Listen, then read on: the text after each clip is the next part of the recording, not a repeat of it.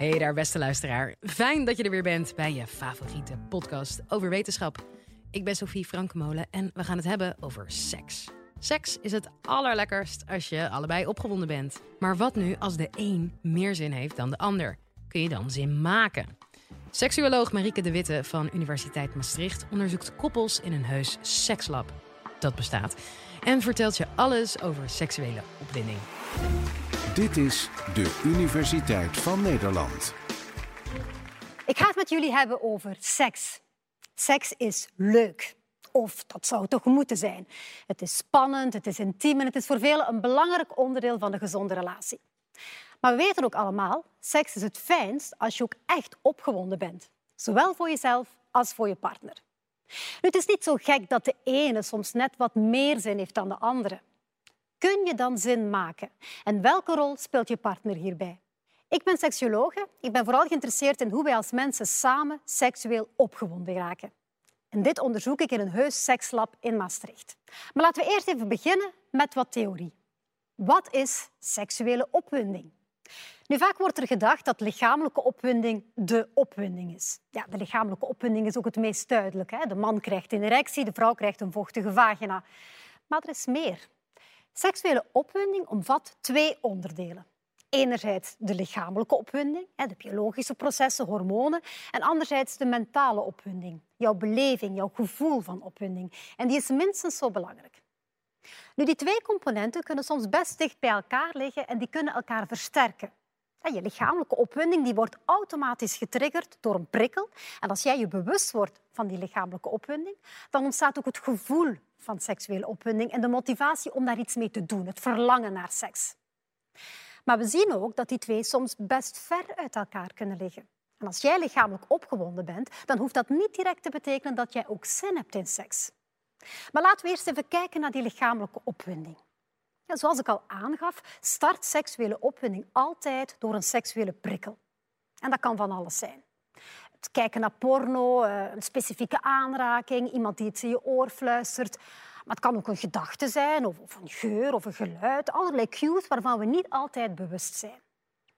Nu, we zien dat die prikkels de lichamelijke processen vrijwel automatisch in gang zetten. En daar heb je niet altijd controle over.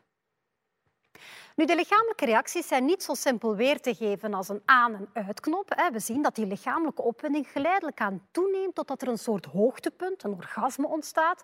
En daarna neemt de opwinding ook weer af en herstelt het lichaam zich als het ware.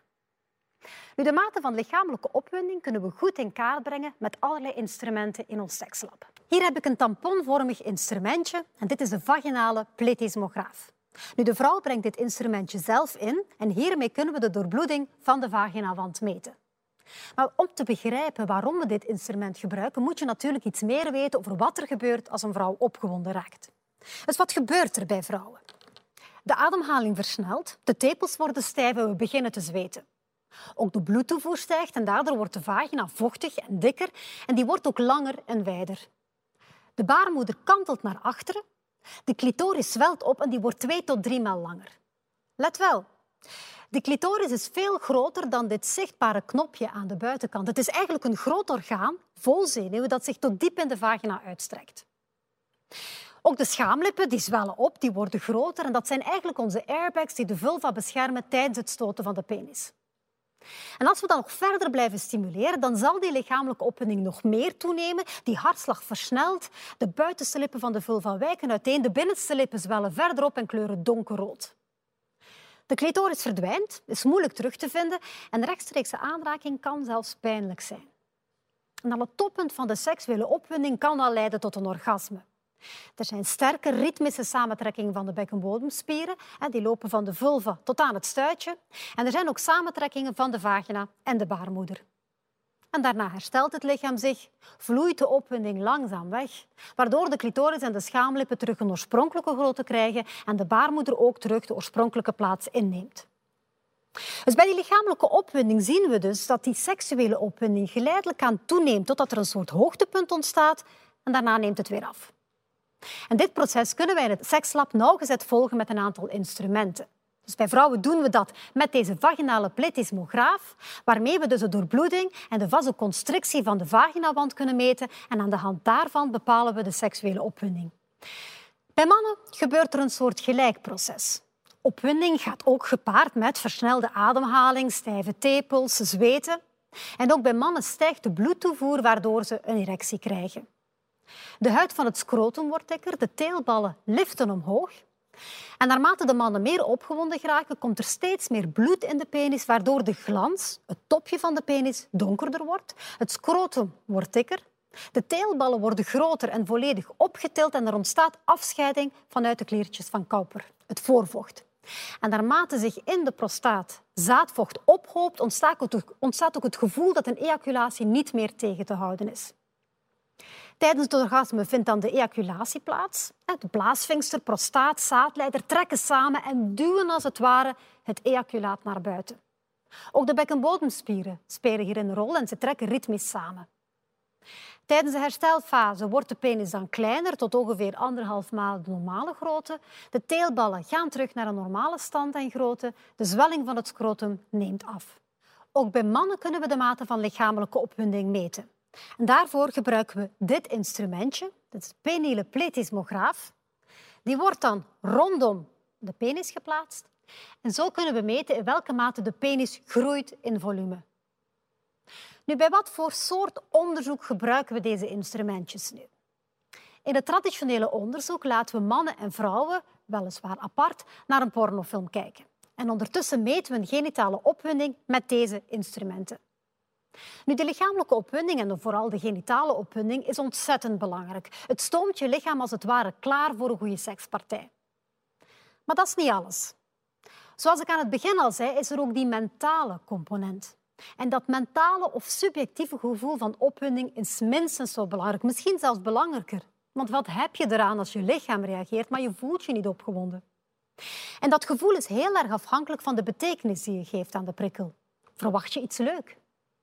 En die betekenis kan ook enorm verschillen per persoon, per moment. Het heeft te maken met cultuur, religie, positieve en negatieve ervaringen, zoals bijvoorbeeld pijn of gewoon jouw humeur die dag. Nu, de mate van mentale opwinding proberen wij ook te meten in ons onderzoek.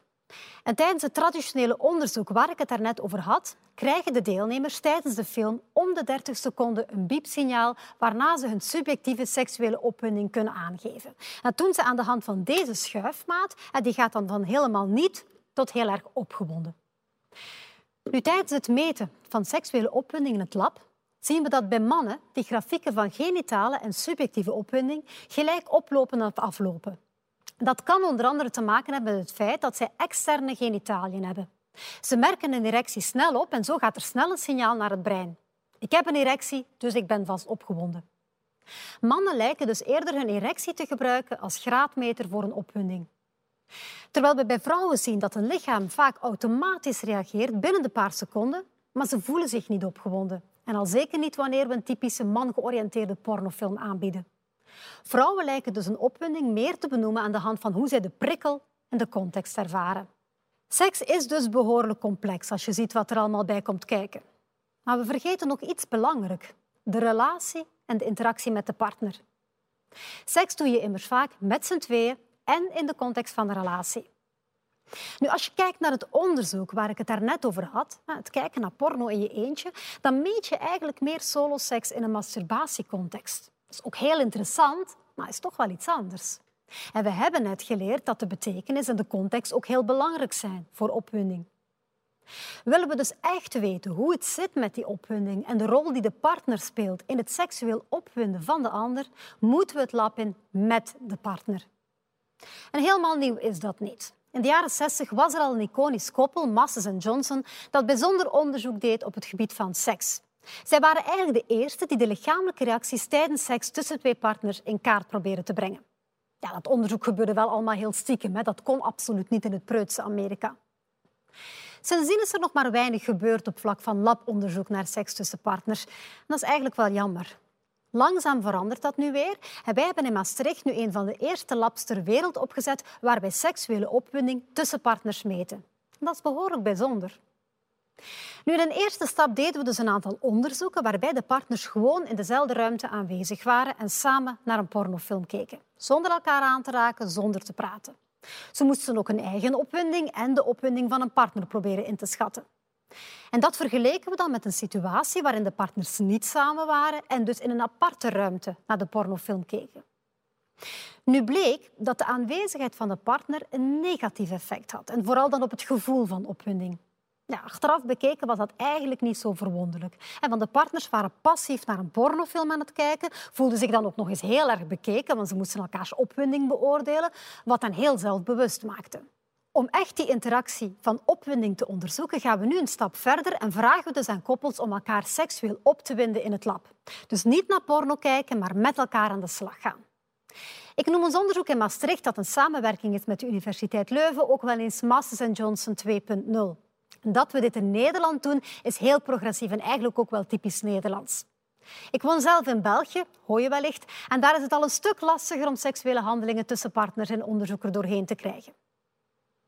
Ons lab in Maastricht hebben we heel gezellig ingericht. Een comfortabele bank, een mooi kleurtje op de muren, gezellig licht, dus niet meer zo'n klinische witte labsetting. Nu, een van de reacties die ik vaak krijg als ik deze foto laat zien is... Uh, huh? Er is alleen een bank. Waar is het bed dan? En hoe kunnen ze nu seks hebben? Want die vrouw moet een soort tampon inbrengen. Ja, vind ik altijd heel opmerkelijk, want het laat eigenlijk ook wel zien hoe bekrompen onze definitie is van seks, namelijk penetratie. Terwijl we eigenlijk seksuele opwinding onderzoeken. En dat wordt echt niet alleen getriggerd door penetratie. Integendeel zelfs. Vrouwen vinden dat vaak het minst opwindende onderdeel van seks. Dus we zeggen tegen onze koppels, wind elkaar lekker op, doe lekker wat je wil, ga aan de slag met je vingers, met je tong, wat je wil. Maar nee, penetreren kan niet. Nu, omdat wij als onderzoekers zo weinig mogelijk invloed willen uitoefenen, willen we onze koppels zoveel mogelijk privacy geven. We staan dus niet naast hen in de kamer, maar we zitten in de ruimte ernaast, met de deur dicht, zonder beeld, zonder geluid. We houden natuurlijk wel in de gaten wat er gebeurt via de grafieken van seksuele opwinding die we zien op onze schermen. Nu, wat wij vooral willen onderzoeken is hoe partners hun seksuele opwinding op elkaar afstemmen. Want we gaan ervan uit dat als je partner meer opgewonden is, dat je dan zelf ook meer opgewonden wordt en dat we elkaars opwinding dus versterken. Dus als er een piek is, een opwinding bij de ene partner, zien we dan diezelfde piek bij de andere partner. En wie neemt daarin de leiding? Dat afstemmen lijkt in eerste instantie een positief proces te zijn. Maar wat dan als je partner minder seksuele opwinding heeft of, of een seksueel probleem? Ja, dan lijkt het toch minder goed te zijn om die opwinding op elkaar af te stemmen. En dat is ook wat we vaak zien in de klinische praktijk. Seksuele problemen bij de ene partner gaan vaak gepaard met seksuele problemen bij de andere partner. Doorgaans geven onze koppels een dertigtal minuten de tijd om die verschillende fasen te doorlopen. En er zijn best wel wat koppels die hoge niveaus van opwinding halen en zelfs klaarkomen. Eens ze opgewonden zijn, vergeten ze de labcontext. Ja, het is natuurlijk zo dat niet iedereen zomaar met dit type onderzoek meedoet. We krijgen best wel een selectie van koppels die wat meer open, wat avontuurlijker ingesteld zijn. Nu, het is ook natuurlijk zo dat koppels blijven seks hebben in een labcontext, hoe gezellig we het ook proberen te maken en te matchen met een huiselijke omgeving. En daarnaast zijn ook al die meetinstrumenten gekoppeld aan draden en apparaten. Dus het kan zijn dat je net lekker bezig bent en dan opeens in de knel geraakt. Je hebt maar beperkte bewegingsruimte. En daarom is onze volgende stap om niet alleen in het lab, maar ook thuis te gaan meten. We hebben ondertussen mobiele instrumenten ontwikkeld, waardoor we de genitale opwinding van man en vrouw draadloos kunnen meten aan de hand van dus de pletismograaf die gekoppeld wordt aan een klein bakje die dan bevestigd wordt via een borstband op het lichaam. Beide partners kunnen ook hun subjectieve opwinding aangeven via smartphones die ze in de buurt houden tijdens seks. Goed, normaal geven koppels het advies om een smartphone zo ver mogelijk weg te leggen als ze seksueel intiem zijn. Maar in het belang van de wetenschap mag het voor een keertje. Nu, je kunt je afvragen, al die moeite, al dat onderzoek voor een leuke vrijpartij. Waarom? Wel, veel seksuele problemen hebben te maken met een tekort aan seksuele opwinding. Bij vrouwen bijvoorbeeld dan kan een tekort aan opwinding leiden tot pijn tijdens seks. En ook dat kunnen we onderzoeken in het lab. Om in het lab te simuleren wat vrouwen voelen tijdens vaginale penetratie, maken we gebruik van dit ballonnetje.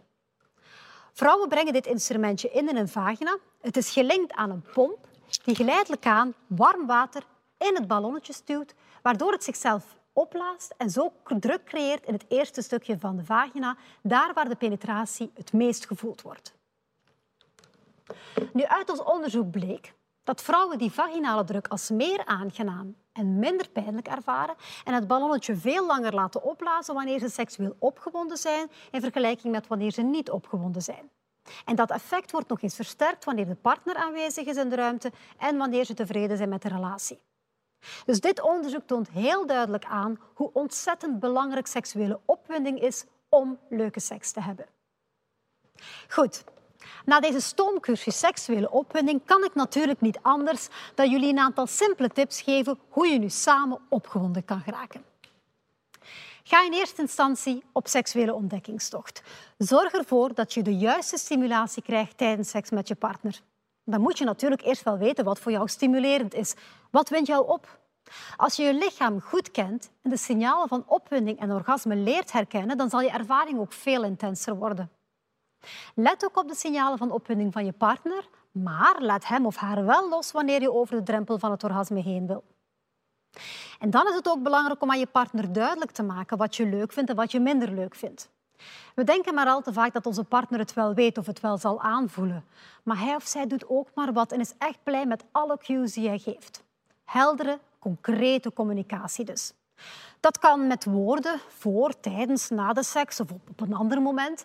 Maar je kan ook via geluiden of lichaamsbewegingen tijdens de seks duidelijk maken wat je wil. Denk ook aan de context. Voel je je wel veilig genoeg bij deze partner? Voel je je gewaardeerd en graag gezien? Creëer gelegenheden om seks te hebben. Durf seks te plannen. Zin in seks komt echt niet zomaar uit de lucht vallen. Je moet moeite doen voor elkaar. Ga op zoek naar een compromis als er verschillen zijn in seksueel verlangen en opwinding en respecteer daarbij je eigen en elkaars grenzen.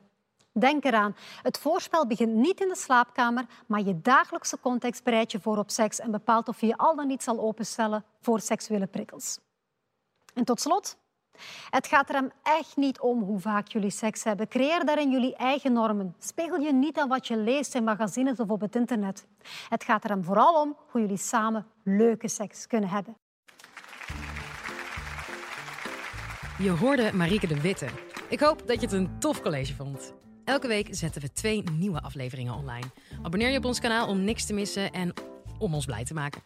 Volgende keer heb ik een college voor je over waarom jouw vlotte Engelse babbel ervoor zorgt dat je langer leeft. Tot dan!